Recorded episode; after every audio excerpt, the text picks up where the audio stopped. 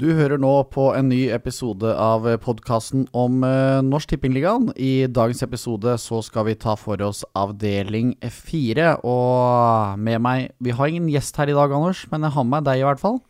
Ja, jeg er jo en gjest, er jeg ikke det? Ja, kall deg sjøl en gjest. Du er noe ansatt på huset her, du òg. ja, greit, jeg er ingen gjest. Jeg er, jeg er med deg i teamet her, da. Det kan vi si.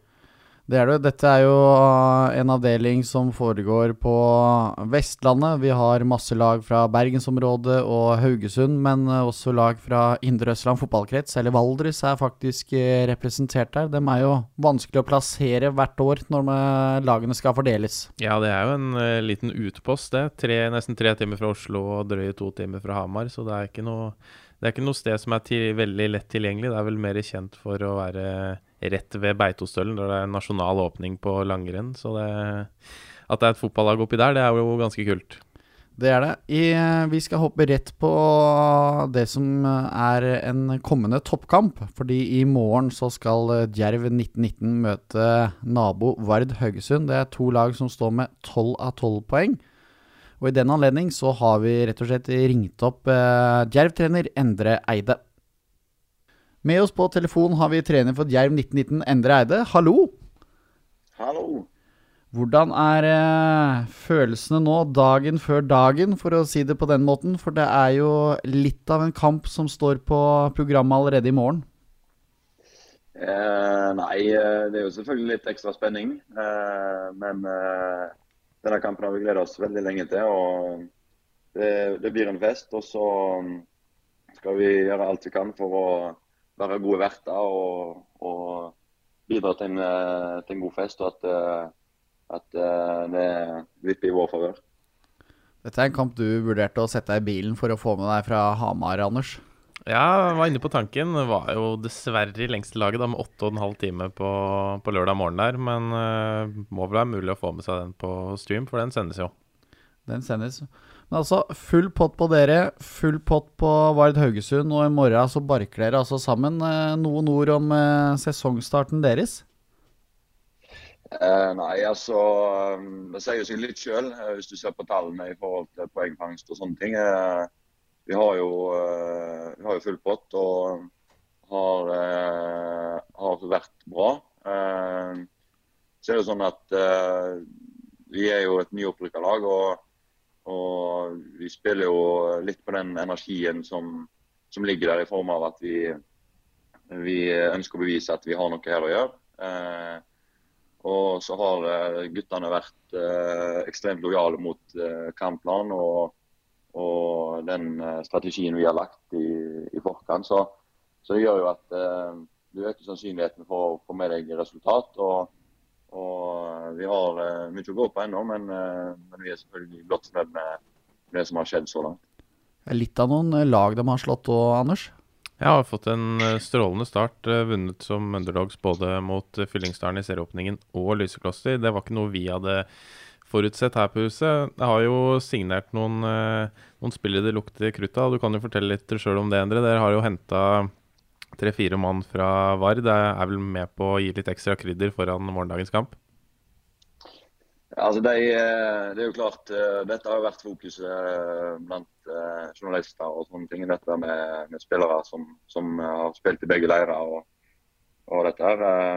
Det som vi var ganske tydelige på med en gang vi eh, så at opprykket var et faktum, var jo at vi, vi ønska å ha en identitet der vi kunne se at uh, Jerv spilte med Jerv-spillere. Uh, og ønska å tilknytte oss de spillerne som, som har hatt fortid der, og som, som, uh, som spiller med, med hjertet for drakten.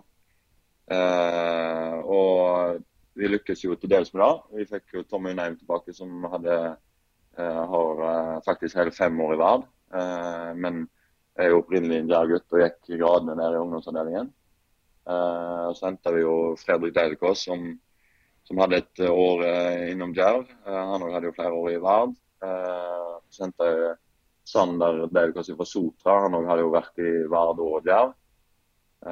så Jørgen Voilås henta vi òg, som, som, har flere år i begge klubber. Så, så det gjør jo at det er litt ekstra spesielt selvfølgelig for deg. og, og Eh, sånn er det jo eh, i, i, fotballen av og til, at eh, ting forandrer seg. og, og Vard har jo alltid vært på en måte nummer to-klubb her i byen. og Nå er jeg plutselig der oppe og, og banker på døra og ønsker virkelig å, å bite fra seg det. Så, så det gjør jo at det får en ekstra dimensjon både i forhold til spillerlogistikk og, og enkeltkampene mot, mot Vard.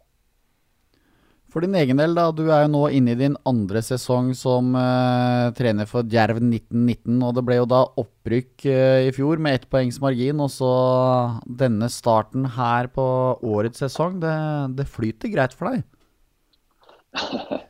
ja, jeg uh, tok over VIA i, for to, det ble jo to og et halvt år siden.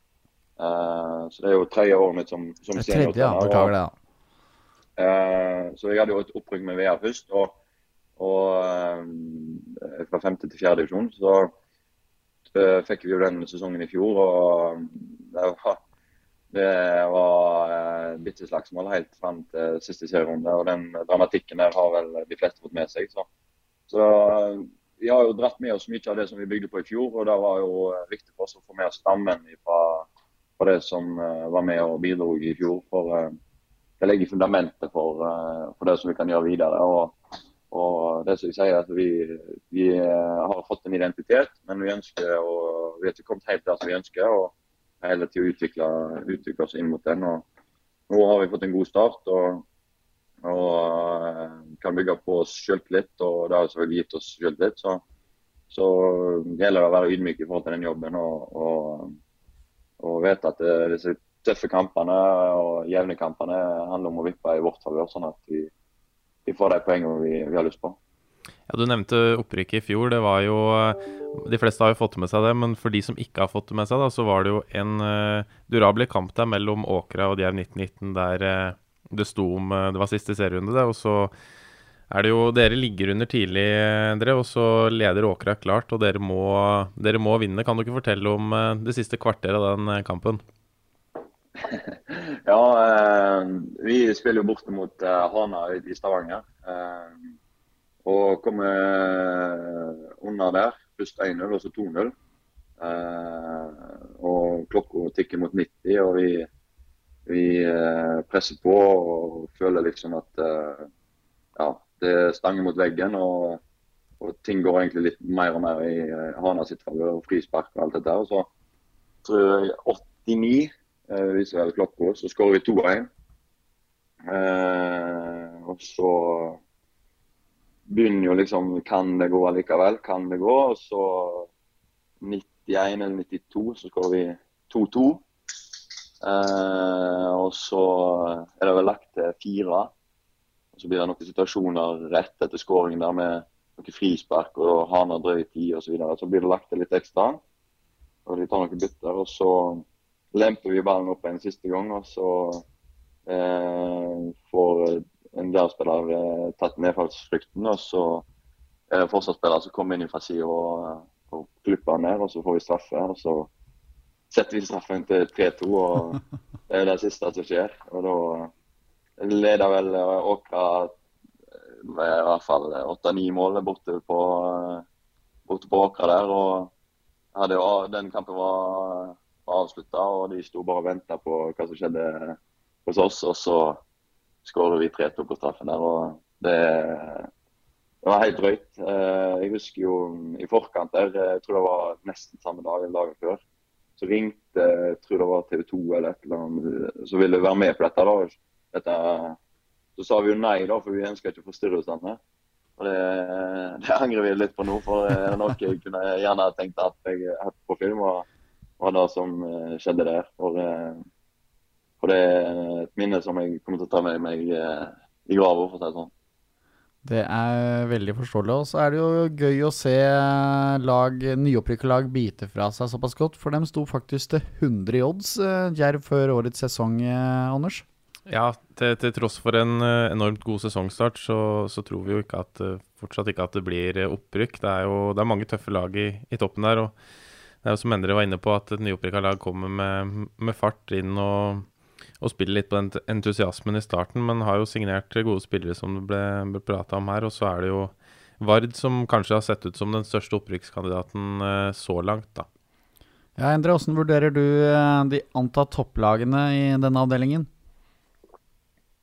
Eh, nei, altså Jeg er jo litt overraska over starten både Lyslott og Fyllingsdalen har fått. Det tror jeg flere er. Eh, så syns jeg jo eh, av de forhåndsfavorittene, så, så har jo Verd klart uh, komme seg godt ut av det. og, og vippe de jevne kampene.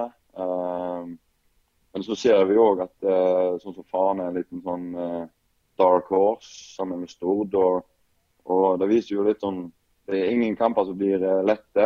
så han havner liksom Han klarer å vippe de kampene i sitt favør. Foreløpig så har Vard vært, vært flinkere enn en de andre favorittene til å, til nettopp gjøre det. og Hvis uh, den trenden fortsetter, så blir det vanskelig å hente inn uh, de poengene som, som allerede Fyllingsdalen og Lyskloster har gitt fra seg opp. Men Hvordan er, er det i Haugesund? Håper dere at det er eh, da Vard Haugesund som går opp, eller håper dere at det er et lag fra Hordaland som tar opprykket, nå hvis det ikke er dere sjøl? Nei, eh, de som, eh, de som vinner, fortjener det stort sett. Og, og uh, hvem det blir, det er ikke så nøye for oss. Men vi har jo ikke et ønske om at Vard skal slå oss i år. Så, så vi, vi, vil gjøre alt vi kan for å komme høyere enn Vard på tabellen sammen med de andre lagene. Så, så, men hvis det er noen som, som er bedre enn oss og rykker opp, så, er det et fett for, for meg i hvert fall. Så, så er det vel sikkert andre i organisasjonen som som, eh, som sier noe helt annet. Det vil det nesten alltid være. Har du noe du vil eh, slenge på til slutt her, Anders? Om Vard, tenker du? Ja, eller nå som vi har vår mann på tråden. Nei, Jeg kan jo høre litt om åssen ambisjoner han har i trenervirket. Han er jo en ung mann i, i trenersammenheng. Hva, hvilke planer har du for framtida, Endre? Uh, nei, jeg, jeg, sa det vel ganske tidlig. Uh, jeg hadde et intervju når jeg tok over ved at uh, når jeg ikke ble fotballspiller sjøl og skjønte at det ikke var, var mulig, så, så Jeg var fryktelig ambisiøs som fotballspiller og jeg er fryktelig ambisiøs som, som, trener. og veldig bevisst på, på, det jeg gjør og har et sterkt ønske om å, å drive med fotball og, og på høyest mulig nivå. Og, så er det jo en del, uh, del faktorer og tilfeldigheter som, som, avgjør uh, veien videre. Men, er jeg dyktig nok, er jeg flink nok, så, så, så kommer jeg opp på det nivået jeg ønsker. og jeg, uh, jeg, er veldig, synes det er veldig jeg er veldig privilegert som får lov til å drive med fotball på, selv på dette nivået her, der jeg møter spillere og en, en klubb som, som står imot og tar, tar, imot deg med åpne armer. og, og vi trener fem-seks ganger i uka alt dette. Så jeg er veldig glad for at jeg er en del av fotballfamilien. Og, og ønsker selvfølgelig å, å, trene på høyest mulig nivå. Så får vi se hvor, hvor tid det blir, og eventuelt når det blir. Ambisiøs uh, fyr uh, vi har der, Endre. Det var veldig hyggelig å ha deg med på tråden. Så uh, til slutt, hvor mye folk håper du på i morgen? Tilskuere?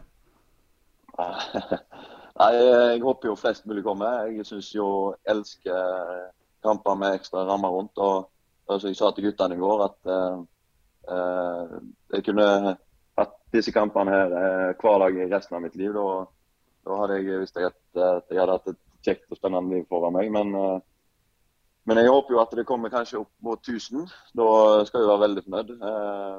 Så, så, jeg håper folk tar muligheten og, og blir med på byderbyet. For og dette er sjelden vare at uh, Vard og Jerv møtes. og Da får de muligheten til å se det live, så da uh, ser jeg ikke noen grunn for at de skal sitte hjemme eller gjøre på andre ting. Ikke bare møtes, det er vel sjelden bare at begge lagene står med full pott når man først møtes òg. Hvis det har skjedd før, så dypt i historiebøkene er jeg dessverre ikke. Nei, det har nok ikke skjedd. Jeg skal ikke si det sikkert, men uh, det er i hvert fall veldig, veldig lenge siden. og og eh, det som du sier, at eh, oppbyggingen til dette her eh, kan du ikke forbedre. Det er nesten, nesten manusskrevet, det. Strålende og lykke til fra oss her i podkasten, Endre. Så får dere bite fra dere i morgen. Tusen takk for det. Det skal jeg love at vi gjør. Det var Djervs Endre Eide, det. Og ja, det er litt av en kamp i morgen, Anders. Ja, den blir eh, ekstremt kul. Jeg har sett folk fra Stavanger-området som har skrevet om den på Twitter og prata om den kampen, så jeg regner at, jeg regner med at det kommer over 1000 eh, på den kampen. Det er meldt eh, fint vær i Haugesund på lørdag så det, det er bare å få på seg skoa og komme seg bort på banen der. Vi skal jo hoppe videre i avdelingen, men vi har ikke pratet så mye om Vard eh, Haugesund, så vi kan jo egentlig hoppe på dem. For det er jo en av de De var eh, største, en av de største opprykkskandidatene før sesongen startet. Sto til 3,75 i odds, og nå er de kanskje den største favoritten. Jeg har jo starta veldig bra, Vard. Kan jo ikke dra helt paralleller til Hønefoss her, men i 2013 så var jo Vard i det som da het Adeccoligaen, Obos-ligaen nå, eh, og har jo rykka ned to ganger siden den, eh, den tid. Var jo faktisk veldig svake i Post Nord-ligaen i fjor. 14 poeng endte de opp til, eh, opp til trygg grunn, men de hang ganske brukbart med i flere kamper. Tok bl.a. poeng mot sterke lag som Egersund og Bryne, så det var egentlig det siste lille som mangla hele sesongen, følte jeg, da. Der snakker vi en klubb som ønsker å spille på et nivå høyere.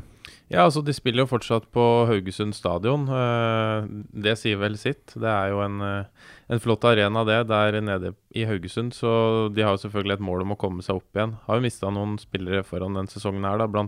Oddbjørn Skartun, som er kjent fra toppfotballen i Norge. Og Andreas Ulland Andersen og Tore Bårdsen, i tillegg til eh, de spillerne Endre nevnte som har gått til, eh, til naboen der. Så det har vært en del utskiftninger. og Derfor var det viktig å beholde noen fra fjoråret, bl.a. Eh, svenske Jesper Andreasson. Han har erfaring fra Ullkisa og Nybergsund. Eh, kom til Vard foran fjorårssesongen og, og klarte ikke å redde dem da, men han er med videre. En veldig fin eh, dødballfot, eh, Andreasson, så, så han blir nok viktig for, eh, for laget denne sesongen her. Og så er det også flere spillere som eh, som er er med ned da, og har lyst til å spille laget opp igjen. Og så må vi selvfølgelig trekke fram Roy Miljeteig, da, som er tilbake i Vard. Han var Egersund i fjor, har også vært innom FK Haugesund. Og Sandnes Ulf spilte for Vard da de var på nivå 2 i 2013. Han er kaptein på det laget her nå, en, en klassespiller i Norsk Tippingligaen. eh, Det er Roy.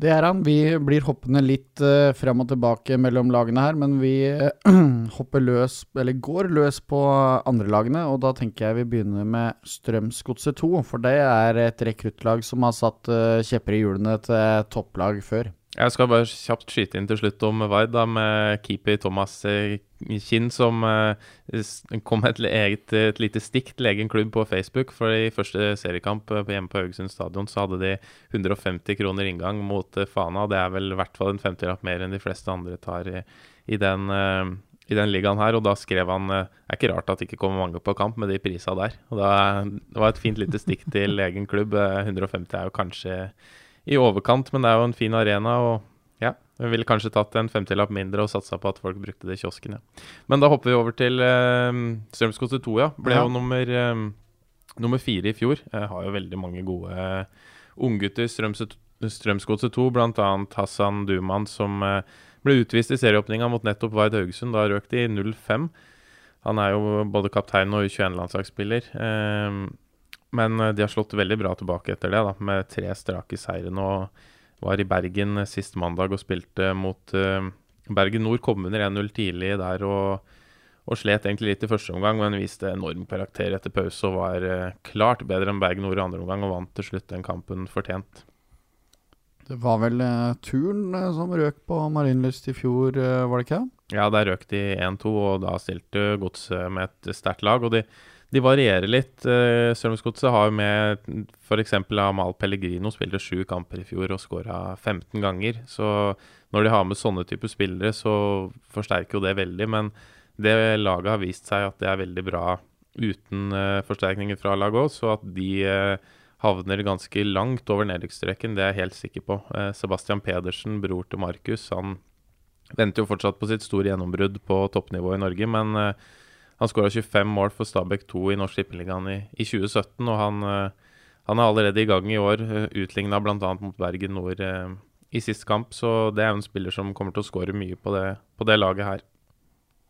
Vi holder oss til eh, rekruttlag. Vi har også Sogndal 2 i denne avdelingen. Eh, rekruttene der har eh, spilt fire kamper og tatt eh, seks poeng eh, så langt. Hva ikke antatt like bra som Godset 2. Og dette er vel et lag som heller er mer fornøyd med å beholde plassen. Ja, men det tror jeg nok Godset 2 er òg. Å holde laget på det nivået her er veldig god trening for eh, de unge talentene. Sogndals juniorlag de vant jo NM eh, junior-NM i fjor.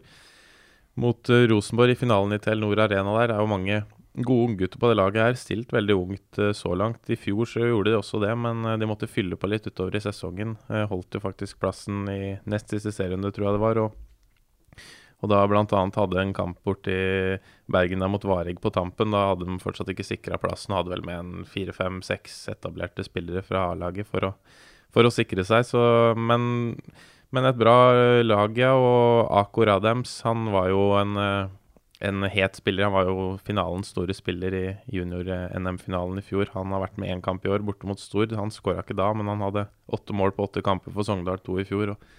så har nok han uh, større ambisjoner enn å spille på det laget her, men, uh, men jeg tror nok det Sogndal 2-laget her skal styre greit inn til en, en trygg plass i år. Uh, var jo Tok jo Fyllingsdalen nå sist. Ja, det var akkurat det jeg skulle si. At det var veldig imponerende å vinne den borte mot Fyllingsdalen. Kan jo også trekke fram Erlend Hansen Grov, da, en spiller som har erfaring fra både første og andredivisjon. 25-åring. Han, eh, han, er med på det laget her og er jo sikkert en fin spiller å se til eh, for unggutta når eh, han har litt erfaring. Så det, det, blir, det blir nok en plass litt over nedrykksrekken for Sogndal 2, tror jeg. Vi holder oss i rekruttland. Det er også Brann 2 er, også, er det tredje andrelaget i uh, denne avdelingen. De har uh, fire poeng etter sine fire første kamper. Og hva tenker vi om de rødkledde, som da røk mot uh, Vard Haugesund sist? Ja, I den kampen så stilte de litt svekka pga. skader og juniorlandslagsoppdrag osv. Da var det en, en spiller som snørte på seg en sko, Helge Haugen. Han har jo ja, fryktelig mange eliteseriekamper, da. Både spilt i Brann, Tromsø, Hønefoss og Sogndal. Han uh, holder formen ved like. Han hadde jo en kamp på benken her i en treningskamp for Brann i vinter, der, uh, der Brann hadde litt, uh, litt tynn tropp pga. skader og sykdom. Så han spilte 90 minutter han på sentral midtbane borte mot Vard. og Jeg har ikke sett den kampen, men han gjorde seg sikkert ikke bort, kjenner jeg han rett. De stilte jo øh, ganske sterkt i noen kamper i fjor. Asa Karadas hadde jo noen kamper. Kjelsrud Johansen Plutselig var Bamba med. Han spilte vel to kamper og skåra fem eller seks mål. Så det, det, er jo vanskelig å vite da hva man møter med Brann 2. fordi at noen ganger kaster de på noen spillere. Annet da de møtte Fjøra i forrige hjemmekamp, så var Thomas Grøgaard med. Marengo var med. Kjelsrud Johansen var med. Han skåra to. Så det, det er jo klart det blir ganske forskjell da når de var nede i Haugesund der. og kun Helge Haugen som var voksen, og resten unggutter. Men uh, det Brann 2-laget her, det, det starta dårlig i fjor. altså Da tapte de de fem første, og da, da, stilte de ikke så veldig mye bedre etter det. Men det var kanskje at de unggutta fikk spilt seg litt inn i det. De har jo mye bra unggutter, men uh, en spiller som Marius Bildøy, f.eks., U-landslagsspiller, han har gått på lån til Åsane. er jo en spiller de, de, savner i det laget her. og så vet vi at det tradisjonelt sett er vanskelig å gå hele veien da, fra Yngres og opp til A-laget i Brann, men det er jo ingen dårlig arena å, å, utvikle seg på. Du kan jo bli eliteseriespiller for andre lag òg hvis du ikke skulle slå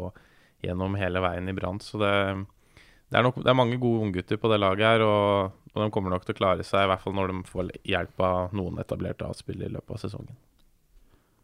Vi eh, mørk, eh, bytter ut uh, Branns velkjente rødfarge med en litt mørkere variant, for det er det, den type drakter som Valdres spiller i. Vi var jo innom dem helt innledningsvis, et lag som blir litt malplassert geografisk uansett hvilken avdeling vi hadde satt dem i her. Er, de ligger midt i der. Sto til 75 i odds før sesongen, og de har jo òg fått en trå start. Ja, sånn det ser ut så langt, så kunne det nok vært mer enn 75 eh, i odds. Det er jo Hvordan de får det til oppi der, det er jo en, en, herlig, en herlig, fortelling i seg sjøl. Altså, det er jo, som vi nevnte i stad, er det, det er jo mer kjent for, uh, for verdenscupåpning Nasjonal åpning på langrenn og på Beitostølen, som er rett oppi, oppi hugget der. En fotball det er vel et sted med om lag 2000 innbyggere, og det er veldig langt til de nærmeste større stedene, så at de får det til på den måten, det er jo det er kult. Og, og, hvordan de får det til, da, det er jo at de henter eh, Har noen lokale unggutter der som er brukbare, og så henter de inn, eh, inn mange utlendinger. Har et godt kontaktnettverk. Annet i, i kampen mot Stord nå så hadde de to spanjoler, to nederlendere, én franskmann, én ire fra start. Og så hadde de en argentiner på benken. Så, og en spanjol på benken hadde de vel også. Det, det er et internasjonalt lag. Men uh, problemet der er jo at når de hele tiden skal hente inn sånne type spillere, så er det jo avhengig av å treffe hvert eneste år. Og dette er jo ikke spillere som kommer til Fagernes for å bosette seg og bli værende der. De kommer jo dit for å spille en sesong, og da da er det noen ganger at du kanskje ikke treffer blink, og sånn det ser ut så langt, så er det mulig at det ikke har blitt eh, helblink den, eh, den sesongen her. Eh, har jo sett litt shaky ut i starten. Røk jo bl.a. 1-4 for Kolbu KK i gjennomkvaliken. Og 1-8 for Stord var stygt sist. Da fikk jo keeper Hugo Farot rødt kort etter en halvtime, og så måtte spanske Rafael Alamzan inn som reservekeeper der i en time. Han er jo egentlig juniortrener, så jeg er litt usikker på hvor, eh, hvor mye det er eh, forventa at han skal stå. Men det ble i hvert fall eh, seks baklengsmål på en time der, så mm, godt uh, trått for Valdres i starten. Veldig viktig seier de hadde da mot uh, Vestfossen da i bunnen der. Uh, 4-1-seier var jo mer enn kampen skulle tilsi. Det var en jevn kamp der de skåra to på tampen, men hvis du ser på mm, det kommende programmet, så er det mange tøffe motstandere. Altså, de tapte jo både mot nyopprykka Fjøra og Bergen Nord i de to første kampene. og det var, eh, det var kamper de skulle hatt med seg poeng i. For nå kommer det før ferien, så er det bortekamper mot både Fyllingsdalen, Godset 2, Fana og Brann 2. Så det lukter egentlig ikke så mange poeng der, altså på Valdres. Det er jo en Så lenge de ikke pådrar seg gjeld med størrelse med Galdhøpiggen, så er det jo kult at de klarer å hente inn mange utlendinger og, og holde det gående det sånn. Men en eller annen gang så treffer du dårlig med signeringene, og da er det fort gjort at det blir nedrykk. og da altså, Det er vanskelig å si åssen det går. Det blir jo en kamp for å holde seg, og så, så må vi sette et lite spørsmålstegn ved hvem som skal skåre måla der. Eh, har jo Simen Ringli på topp, en lokal unggutt som, som skåra tre i fjor. Da kom det inn mange kamper som, ungbyt, som innbytter, og i år så har han fått kapteinsbind og, og starter det meste, så da da er han avhengig av å levere litt, for ellers bak han så ser det egentlig litt tynt ut. Og så Det siste vi skal legge til, er at de spiller jo hjemmekampene sine på Blåbærmyra på Fagernes. Det er jo et uh, herlig navn, det. Nå gjør de det. Da måtte vi begynne inn i Valdres Storhall der uh, mot Bergen Nord, vel. Ja, det stemmer. Uh, nå har faktisk Blåbærmyra fått et sponsornavn som jeg ikke gidder å nevne her. Men den gangen jeg var oppe der og spilte sist, da het det Blåbærmyra. Og så for meg så er det alltid Blåbærmyra. Ja, men vi er jo litt nøye med det, så det er jo da gjensidige banen som Valdres uh, nå spiller sine hjemmekamper på. På folkemunne Blåbærmyra. Vi hopper videre, og vi hopper videre til et lag som har tatt uh, ni poeng på sine tre første, nemlig Stord. Som da, nevnt her, uh, slo Valdres hele 8-1 i forrige runde. Og ja, nevnt som en liten outsider her, da. Sto til 35 ganger penga før uh, seriestart. Ja, noe opprykk på Stord blir det ikke. Det kan jeg vel nesten allerede slå fast nå. Men uh, at de kommer til å gjøre det bedre enn de to foregående sesongene, det har jeg god tro på. Jeg har faktisk sikra plassen i siste serierunde to år på rad. For to år siden var det, var det en voldsom kamp. Da vant de stort mot Haugesund 2, og Os tapte i 0-1 hjemme for Brattvåg. og og da holdt Stord seg på flere skåra mål, tror jeg det var. Eh, det var jo en helt vill avslutning. I fjor eh, gikk det, gikk det, litt bedre, for da foran siste kamp så var det tre poeng som skilte ned, og 30 plussmål, eller hva det var. Eh, Tertnes måtte ta igjen. Eh, og da vant Tertnes med fem, og Stord Nei, Stord tapte med fem, og Tertnes vant med ett, eller noe sånt. Så det, det var aldri i fare. Men eh, sesongen i år har sett bra ut. Eh, eller sesongstarten har sett bra ut. og og en eh, viktig grunn til det, han eh, er fra Island og heter eh, Viktor Segata. Han ble henta inn som redningsmann i 2017 og skåra åtte mål på høstsesongen der. Og så reiste han tilbake til Island. Og så ble han henta inn som redningsmann igjen i 2018. Skåra åtte mål på høstsesongen der. Og, og reiste ikke tilbake til Island, for da fant de ut at det er jo kanskje lurt å ha han her fra sesongstart. Og derfor så så hadde de den med fra start i år, og han har jo gjort sine saker greit. Han har banka inn 14 mål så langt i år. så det, det må vi si er godkjent. Skåra sju mål da de vant 9-1 mot uh, Tertnes i NM-kvaliken. Og han skåra også fire mål i 8-1-seieren mot uh, Valdres sist helg. Så, så, det er en veldig god spiller. Han kan nok uh, få prøve seg på noen høyere nivåer her etter hvert, tror jeg. Det er vel ikke en drøy påstand å melde det, er det det? Det tror jeg ikke. Han er i hvert fall het nok hjemme på Vikahaugane kunstgress. Så Stord får jo bare håpe den målteften bevares utover sesongen, da. Ja, de har jo også en islandsk trener. Det var nok han som, som kjente til han fra hjemlandet og henta han. Jon Pall Palmason har jo også trent Klepp sitt kvinnelag i toppserien. Var og så en lysklosterkamp i fjor, og da da var det jo det mot Stord, og det var eh, Palmason. Han var jo rene standup-show på sidelinja der. altså Han prata både engelsk og islandsk og norsk, og det var ikke måte på. Han var høyt og lavt hele kampen. og var liksom... Eh, de leda tidlig 2-0, da, men eh, den snudde til 2-6-tap. Men han, nei, han var en herlig figur, altså. Så har jo han også fått med seg en annen islending inn den sesongen her. Viktor Helge Bendiksson debuterte med å bli utvist gjennom kvaliken eh, mot Åkra. Han måtte også kaste inn håndkleet etter 20 minutter mot Valdres på lørdag, så spørs det om han blir klar til eh, neste hjemmekamp, som er mot Vestfossen. Stord er jo et lag, et lag, som kommer fra et sted eh, Det ligger jo en drøy time nord for Haugesund. En, en øy der med knappe 20 000 innbyggere. Det har vært et lag som har pleid å holde til i gamle andredivisjon, men etter halveringen i 2016 så var det kroken på døra for Stord på det nivået. Og, og, siden så har de jo spilt i Norsk Tippingligaen.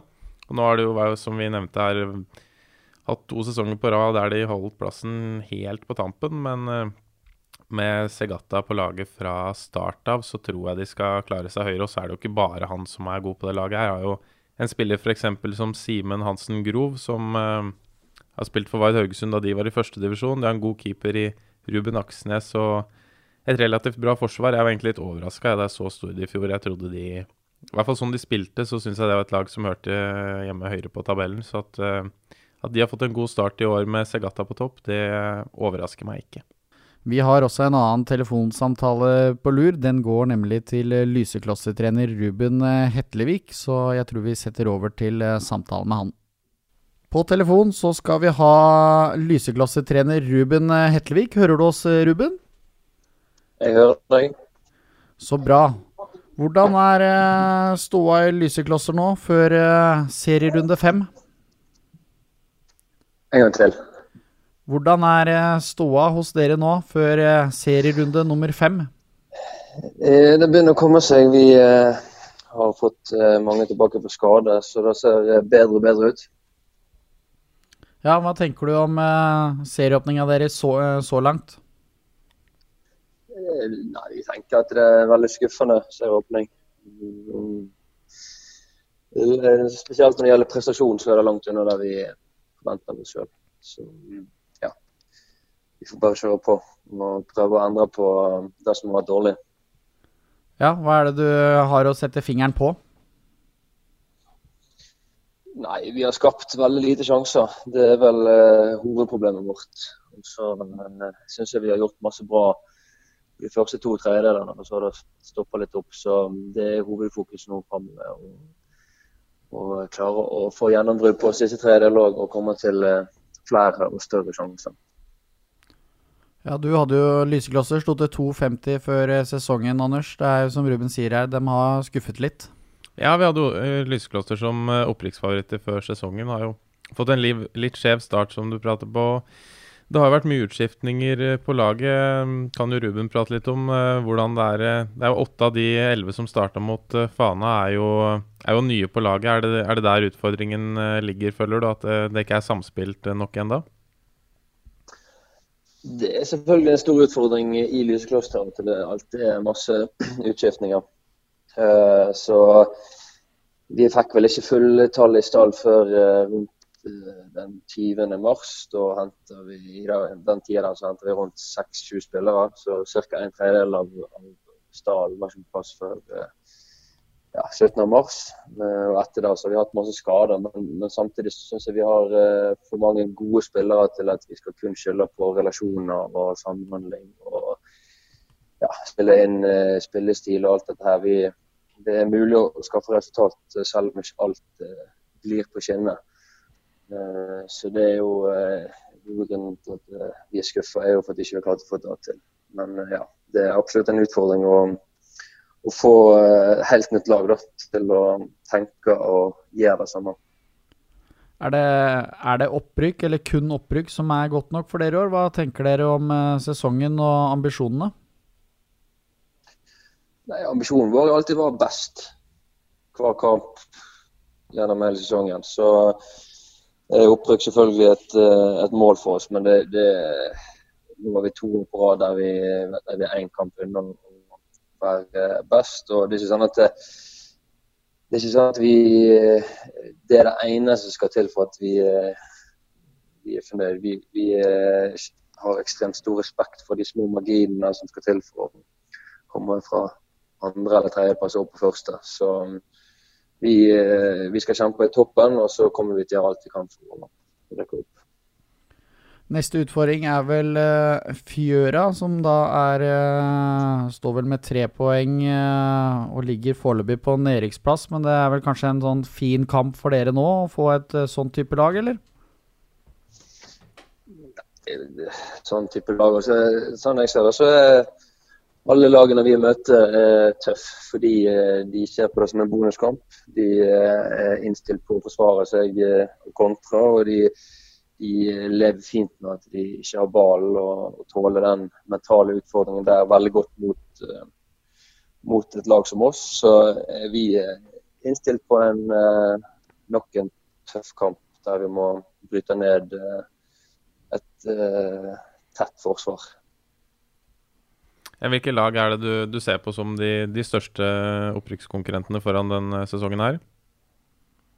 Nei, jeg har hatt Vard Haugesund som Solika-favoritt hele veien, egentlig. Det er Ja. Jeg syns de har beholdt uh, flere av de viktigste. Og så i tillegg så har de fått tilbake en Roy Militech som uh, ja, dette nivået her skal være uh, en uh, altfor god fotballspiller. Så jeg mener de, de går mot et lett opprykk. Ja, du tror det blir lett?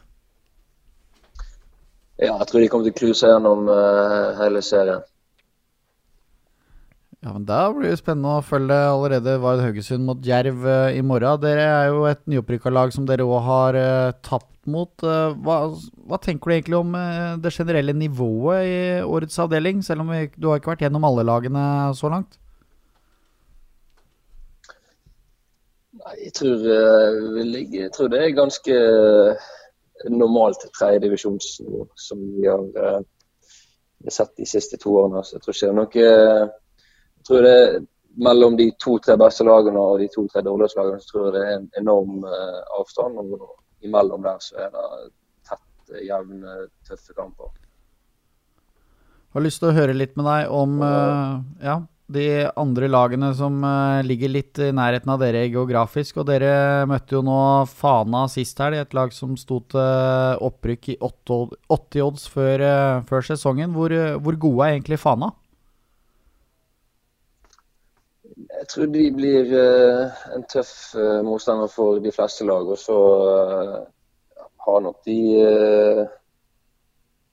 ja, Jeg har de i topp fem, egentlig. Men det er litt sånn jeg mener de er litt ujevne, og at de kan eh, Toppnivået deres er veldig høyt, men så tror jeg òg at de kan ha dager der eh, det ikke ser så veldig bra ut. Så eh, det, det, er mulig at de blander seg inn i, i toppstriden, men eh, jeg har de sånn rett bak.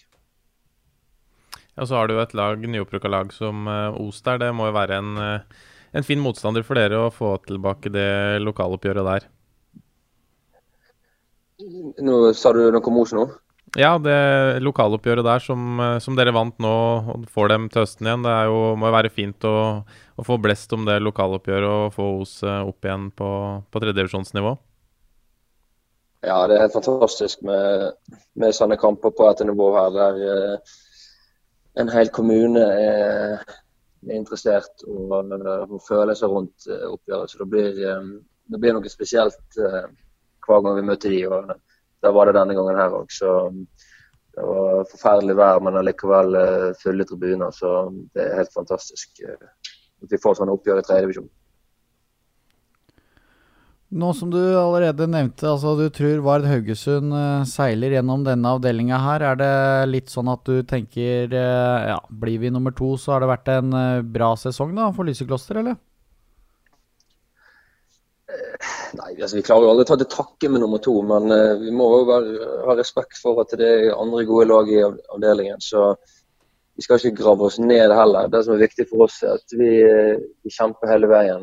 Uh, og at vi spiller viktige kamper hvor vi uh, er med. Det er det som betyr noe. Så igjen, det er veldig, veldig små forskjeller. I forfjor så røyk vi på målforskjell mot Brattvåg. og i fjor så tapte vi innbyrdes oppgjør mot Sotra, som gjør at vi ikke rykker opp. Så det er så, det er så små marginer eh, som skiller. Så det går ikke an å, å legge ned hele butikken bare fordi vi havner på andreplass, selv om vi kommer til å ofre alt for å ta førsteplassen. Sånn er det. Det blir spennende å følge utover, Ruben. Eh, tusen takk for at du tok deg tid til oss. Ingen problem. Det var eh, Ruben eh, Hettelvik det, som trener eh, et lag med historisk sus over seg. Ja, navnet er litt uh, historisk sus. Kommer fra Lyse kloster, et kloster som ble grunnlagt i 1146 av engelske munker og var i funksjon i nesten 400 år før det ble revet. De ruina de er tatt vare på, de, de kan du fortsatt se i dag. Er vel kjent som Os kommunes største turistattraksjon, og laget kalles jo selvfølgelig Munkene. Så der fikk dere litt info, ekstra info om Lysekloster. Ja, du kan få føye på med det vi ikke fikk tatt på telefon. Du har sikkert mer du ønsker å tilføye? Ja, så det anlegget til Lysekloster, det er, eh, verdt en, eh, det er verdt et besøk, for å si det sånn. Jeg var ute der i fjor sommer. Det var litt tåkete og lett regn i lufta. Ble henta en søndag kveld i Bergen sentrum, og så kjørte vi utover via Fanafjellet. Da begynte jeg egentlig å lure på om vi hadde kjørt feil, fordi at det er en en vei over fjellet der som er vel plass til halvannen bil i bredden. En, en klassisk breddefotballvei, vil jeg si. Og så plutselig eh, åpenbarte det seg et eh, strålende anlegg der eh, midt eh, inni der. Det var eh, kjempeproft hele opplegget og veldig fin opplevelse der, så det kan anbefales å dra og se en, eh, en lyseklosterkamp. Det kan det. Ja, og så har du vi, vi, fikk jo Ruben til å gå så vidt igjennom noen av de andre laga der òg, men det er altså Fana som sto til 80 odds, som uh, slo Lysekloster uh, sist, som ble et vondt lag å møte, sa han. Ja, Fana har hatt en sesongstart litt som forventa. Kan jo dra et par kjappe linjer fra fjoråret. Da var de nynedrykka fra Post Nord-ligaen. Eh, hadde jo litt eh, Kanskje ikke største ambisjonen om å snu på direkten, for det var eh, det var et ganske ungt lag de hadde i fjor, eh, og starta veldig dårlig og tapte fem av de seks første kampene. og Det så egentlig ut som de måtte kjempe for plassen etter hvert, men uh, de kom seg utover i sesongen og avslutta sånn brukbart uh, midt på. Vant vel de, de, siste fire der og hadde norsk fotballs toppskårer i fjor fra nivå her og opp. Henrik Udal han skåra 26 mål. du kom ofte i, i, i puljer for Udal. Han skåra tre eller flere i seks seriekamper, så når det først løsna, så var det Skikkelig ketsjup for han. Og så var det som vi prata på, at de, de, er en liten outsider i toppen. Har et, har et ganske bra lag.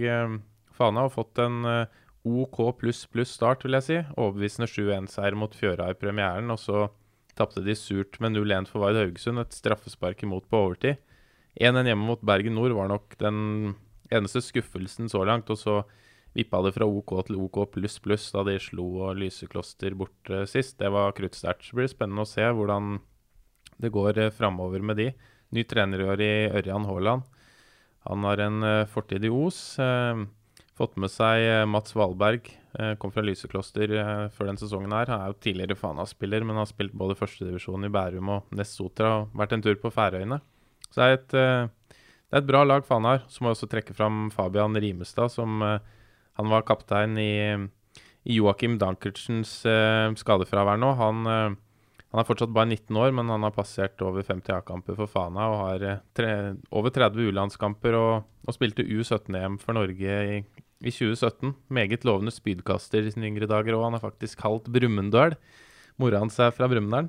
Rett borti gata her, så så da vet dere det. Og så er det Joakim Dankertsen, da, som jeg nevnte. Han har jo om lag 150 ja, kamper i andredivisjon for Fana. Kaptein i fjor. Han, uh, han var slitt litt med skade nå, men uh, satt på benken som ubenytta reserve mot Lysekloster, så han er nok uh, snart tilbake i aksjon. En, en god spiller, Dankertsen. Da skal du få puste litt mens jeg finner fram neste lag på blokka her, Anders. Og da står det Fyllingsdalen, har vi ikke vært, eh, vært innom. Nei, Fyllingsdalen hadde jo en veldig sterk eh, sesong i fjor. Endte jo faktisk opp med å spille opprykksfinale til slutt der. Eh, møtte Sotra på bortebane i siste kamp. Eh, den eh, tok jeg meg turen over på. Det, det var en, eh, en nervepirrende forestilling. Det var vel nesten 1500 stykker som var og så den kampen ute på, på Sotra der. Den den endte dårlig for Fyllingsdalen sin del. De måtte vinne for å rykke opp. Kom tidlig under og utligna til 1-1, men det var på overtid, så de, de rakk ikke snu det. Men fra det laget da, så har de mista noen markante skikkelser. Tor Christian Økland har gått til Nest Sotra. Simen Hopsdal eh, og Kristoffer Walsvik har gått til Åsane. Og så i tillegg så har Kjetil Kalve gått til da nettopp Sotra, da, og det var fire av de viktigste spillerne på det laget.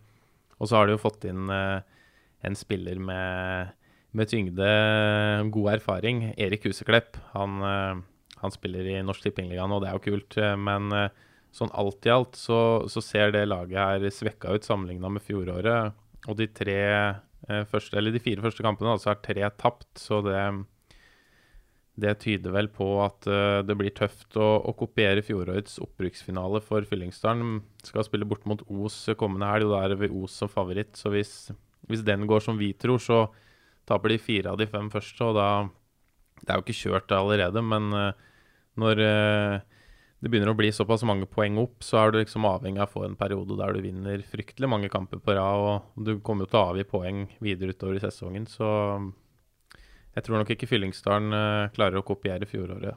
Det tror jeg ikke. Da må de få i gang eh, Huseklepp. Han skårte vel litt i noe NM-kvalik, men han har ikke skåra noe i serien ennå. Nei, øh, har ikke jeg sett en, noen Fyllingsdal-kamper i år, men, eh, men Huseklepp eh, må jo eh, ta opp hansken etter Kjetil Kalve, som skåra bra med mål i fjor. Så, men det er jo det er jo et bra nivå det her. og Huseklepp spilte jo eh, for Åsane i fjor. Jeg regner med at han fortsatt er i, i god shape, og han kommer jo til å skåre mål utover sesongen, men han har vel kanskje ikke sine Det er jo ikke der Erik Huseklepp er best. Han er jo ikke en, en goalgetter. Han er jo en han er jo mer en spiller som på en kan spille de rundt seg gode og sånt. Så det at Huseklepp blir toppskårer i eh, Norsk Tippingligaen i år, det, det tror jeg nok ikke, selv om han sikkert kommer til å komme opp over tosifra. Vi kan uh, fylle inn et par ord om uh, nyopprykkede Bergen uh, Nord også, som har tatt eh, fire poeng eh, så langt. Røk sist mot Godset 2 og har Brann 2 i neste. Ja, Bergen Nord eh, røk som sagt der, eh, og det det var en brukbar førsteomgang, men i andre omgang ble de spilt fryktelig lave, og det var vel til slutt fortjent at Godset vant den. Eh, Bergen Nord med, med to opprykk på rad da, spilte jo femtedivisjon i, i 2017. Eh, akkurat samme som Storm i avdeling tre. Dobbelt opprykk. Det, da blir det ofte tøft når eh, mye av stallen er den samme. Mathias McCody Lund som tre, er trener, han, han skrev på Twitter her eh, tidlig i sesongen at eh, de ikke fikk lov til å spille på Salhus, som er hjemmebanen deres. Eh, kunstgressmatta er, eh, er ikke godkjent for, eh, for spill på det nivået her. Samme som Øystes i fjor, som måtte spille på en annen bane. og Da, da fikk eh, Bergen Nord tildelt Flaktveit, og som Lund skrev, at det var den, det var den dårligste kunstgressbanen i hele Bergen. Så da er det på en måte 26 bortekamper. da. Vanskelig nok i seg sjøl å skulle eh, ta nivået på et eh, dobbelt opprykk, men eh, når de i tillegg må spille alt borte, så, så blir det vanskelig. Da har de jo tatt poeng i de to faktiske bortekampene og tapt de to hjemmekampene så langt, så det kan hende at det er eh, på bortebane Bergen Nord må, må hente poengene sine i, i år. Jeg trekker fram, eh, Dette er et navn jeg, synes, jeg er usikker på hvordan jeg uttaler, altså, men David Mektarjan Nei, det er ikke Det er ganske likt som Arsenal-spilleren, men uh, David, kan vi si. De som er, er fra bergensområdet her, de vet jo hvordan dette uttales. Men eh, han skåra hat trick i premieren mot uh, Varegg og uh, ble signert fra, fra Arna Bjørnar i høst. Han var der i fjor høst, og Varegg i vårsesongen. Er en bra spiller på det nivået her. og og så har du Steffen Egesund, da, som er eh, kaptein og skåra 19 i fjor. Han uh, skåra også nå mot Godset, så offensivt så har de noen spennende spillere. Og så kan vi også nevne David Wolfe, da, som eh, spiller på G17-landslaget og Bergen Nord. Det er jo litt kult at Bergen Nord har en eh, landslagsspiller. Så det blir nok en kamp i bånn for Bergen Nord, men å, å klare seg, det er ingen umulighet. En kamp i bånn, det blir det nok også for uh, Fjøra. Vi beveger oss opp til Sogn og Fjordane, og det laget som sammen med Bergen Nord sto til 150 odds uh, da avdelingene ble sluppet. Så, men de har jo i hvert fall kommet i gang og fått uh, plukket tre poeng. Ja, vant hjemme mot Valdres. Det var nok en bunnkamp som var veldig viktig å vinne. Og så fikk de kjørt seg sist helg med 1-4 mot Djerv 1919. og det som var synd for Fjøra da, var at eh, Thomas eh, Eriksen Næss, kaptein, han eh, mista hodet litt fire minutter på overtid der. På stillingen 1-4 hadde en ganske stygg takling bakfra som endte med direkte rødt kort. Det var um, Dommeren sto med det gule i hånda, men etter å ha prata med assistenten sin, så valgte han å gi direkte rødt. Nå har jeg ikke sett hvor mange kamper det ble, men uh, direkte er jo i hvert fall to, eller kanskje tre også. og i de to neste så møter de jo Lysekloster og Vaid Haugesund, så det er nok ikke kamper de har enorme forventninger til tre poeng i. Men om tre kamper så er det Bergen Nord på hjemmebane, og det er en ekstremt viktig kamp for uh, Fjøra. Så hvis uh, Eriksen Næss ikke er tilbake da, så er det et hardt slag for Fjøra. Han har jo spilt en, noen kamper for Sogndal i Eliteserien, begynner å bli noen år siden. Men så klart en bra spiller og, og viktig for det Fjøre-laget er som kaptein. Og Så har du jo Malvin Gjerde da på topp, 31 eh, goller i fjerdedivisjon i fjor. Han har også kommet godt i gang med skåring i tre av de fire første. Det var jo Fjøra på det nivået her i, i 2017, og da holdt det akkurat ikke. Hendte nest sist med fire poeng opp til streken. og Det blir også en kamp i bunn nå, men uh, hadde bl.a. en bra prestasjon uh, da de røk 3-4 for Brann 2 i Bergen for et par uker siden. og så er det to tøffe kamper som sagt nå som kommer, og så etter det er det to veldig viktige kamper da med Bergen nord hjemme og Vestfossen borte. Det er klassiske sesongavgjørende kamper. Så det blir spennende å se med Fjøra. Men uh, de kommer til å være i bunnen hele sesongen. Og så er det om å gjøre å klare å få tre, på, tre lag bak seg. Det blir, blir, tøft for Fjøra. Kommer jo fra Sogndal der, så det er ikke sånn at de på en måte kan plukke inn en haug med nye spillere når de går opp et nivå, sånn som et lag fra bergensområdet kan gjøre, som har flere å ta av. Vi beveger oss eh, oppover på tabellen til eh, Os, som eh, ligger foreløpig midt på med seks poeng. Og nå er det Fyllingsdalen som venter allerede i helga. Ja, og der er de favoritter. De har fått en, en bra start på sesongen. Os rykka jo ned på dramatisk vis i, i 2017. Og i 2018 da fikk de tilbake Mats Cato Molskred. Har jo spilt både i Bryne og i Kongsvinger og, og skåra bra med mål i Obos-ligaen. og var jo helt planke i fjor. Rykka greit opp, hadde ni poeng til slutt ned til Lyngbø, men var tidlig klare for opprykk. Og, og så har de signert Roger Ekeland da, fra Egersund. Han har også vært innom Sandnes Ulf og har skåra mange mål for Stord tidligere, så de to på topp er jo et kruttsterkt eh, spisspar. Skåra to hver i 7-3-seieren borte mot Vestfossen sist helg. og også I tillegg har Rune Moe kommet inn. Han hadde høstsesongen i Stord i fjor, har også erfaring fra Ness Sotra Lysekloster. så så det laget her ser brukbart ut. Jeg tror nok de skal, skal klare å styre inn til en, eh, en, plass midt på tabellen. Og så må vi også nevne en ny forsvarsspiller, da, portugiser eh, Carlitos. Han har ungdomsårene sine i Academica Combria. Nei, Com Coimba.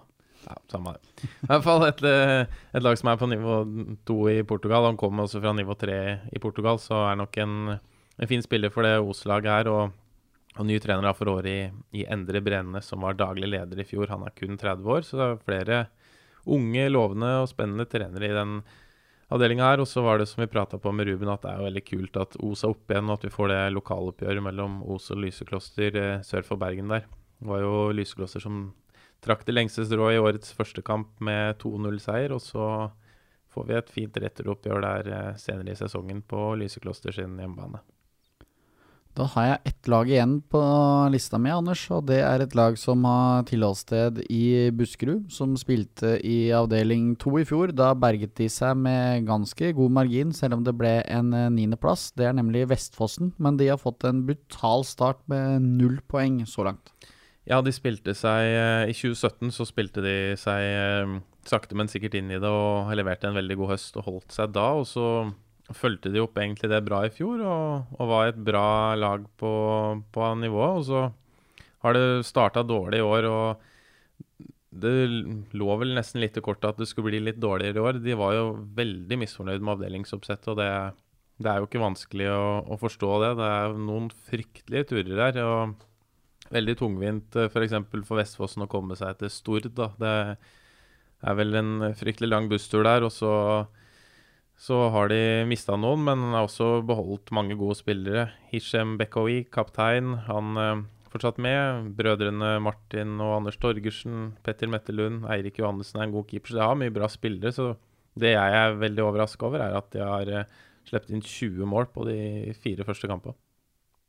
Men eh, så har de jo en spiller som Preben Røren, da. En eh, tidligere Mjøndalen junior. Han er en favoritt av meg. Han kan både spille stopper og spiss. 14 seriemål i fjor og blitt brukt både litt bak og litt framover i år. Det er litt vanskelig å si hvor de skal bruke han hen, sånn med tanke på at de har sluppet inn 20. Men øh, Vestfossen har jo veldig har en enkel og enkel stil som de spiller veldig på. Veldig morsomme på sosiale medier. Vestfossen er jo kjent for å være et lag med, som er ekstremt gode på dødball og kaster langt og, og kriger i boksen. Og de hadde dugnad på bana sin. Spiller jo for øvrig på naturgress, Vestfossen. og da sto det at de gjorde bana humpete og jævlig til seriestarten. Så det, de spiller på sine styrker, og skuffende at de har starta såpass dårlig. Og så satser jeg på at de kommer litt utover sesongen. er jo et kult lag der på Strandajordet utafor Mjøndalen i, i, Buskerud. Og så, så, får vi se om, eh, om, de klarer å snurre igjen litt mer bakover. Hvis de skal snitte på fem baklengs per kamp, da blir det rock bottom. Men eh, jeg syns Vestfossen er et eh, kult lag og en fin gjeng, så håper de, de kommer seg litt mer utover sesongen. Det var litt om alle lagene det i avdeling eh, fire. Da Vi skal ikke si at vi skal ikke pensjonere oss helt, Anders, men nå, nå har jaggu du prata om samtlige 84 lag på dette nivået. Ja, det har blitt noen timer og litt forberedelser og mye prating nå, så kanskje greit å legge beina høyt på i helga. Bare se to kamper, kanskje. Bare se to kamper? Da har vi faktisk vært gjennom, som nevnt, alle, alle, avdelingene. Det var det vi innledningsvis har lovet skulle komme i denne podkasten, men vi har ikke tenkt å gi oss med det første. Vi har lyst til å I hvert fall Anders skal dele mer av sin kunnskap utover i sesongen, så vi kommer tilbake før folk vet ordet av det, tenker jeg. Så har du noe du vil si til slutt om denne avdelingen, Anders? Nei, jeg tror jo ikke Kan jo si da at jeg tror ikke det blir så enkelt for Vard Haugesund som Ruben sa i stad. Det er vel kanskje litt for å legge press på, på Vard-gutten. Han sier det. Litt mind games der. Jeg tror nok det blir tror nok det Lysekloster kommer seg etter hvert, og Fana kan være en liten outsider i toppen der. Og, og Stord har jo starta bra, så det, det er en som Ruben mente at det var um, vanlig, vanlig tredjevisjonsnivå på den avdelinga her. Det er en del bra lag i toppen her, altså, så det er mye gode kamper. Så en, eh, en, oppfordring til de som er i området, er å komme seg på kamp. Det er mange gode oppgjør her. Mange, mange bra matcher som spilles framover. Så det blir spennende å se om Lysekloster klarer å hekte seg på igjen i toppen etter en litt smal start. Kom dere på kamp, eh, kos dere med noen eh, herlige kamper. Og hvis du har noen opplevelser du vil dele, så bruk hashtaggen NT-ligaen. Så der er vi inne og følger med, vet du. Eller så kan vi også nås på e-post på fotball at norsk-tipping.no. Jeg tror vi skal runde av der, Anders. Tusen takk eh, for i dag. Jo, takk i like måte, og god breddefotballhelg til alle lyttere.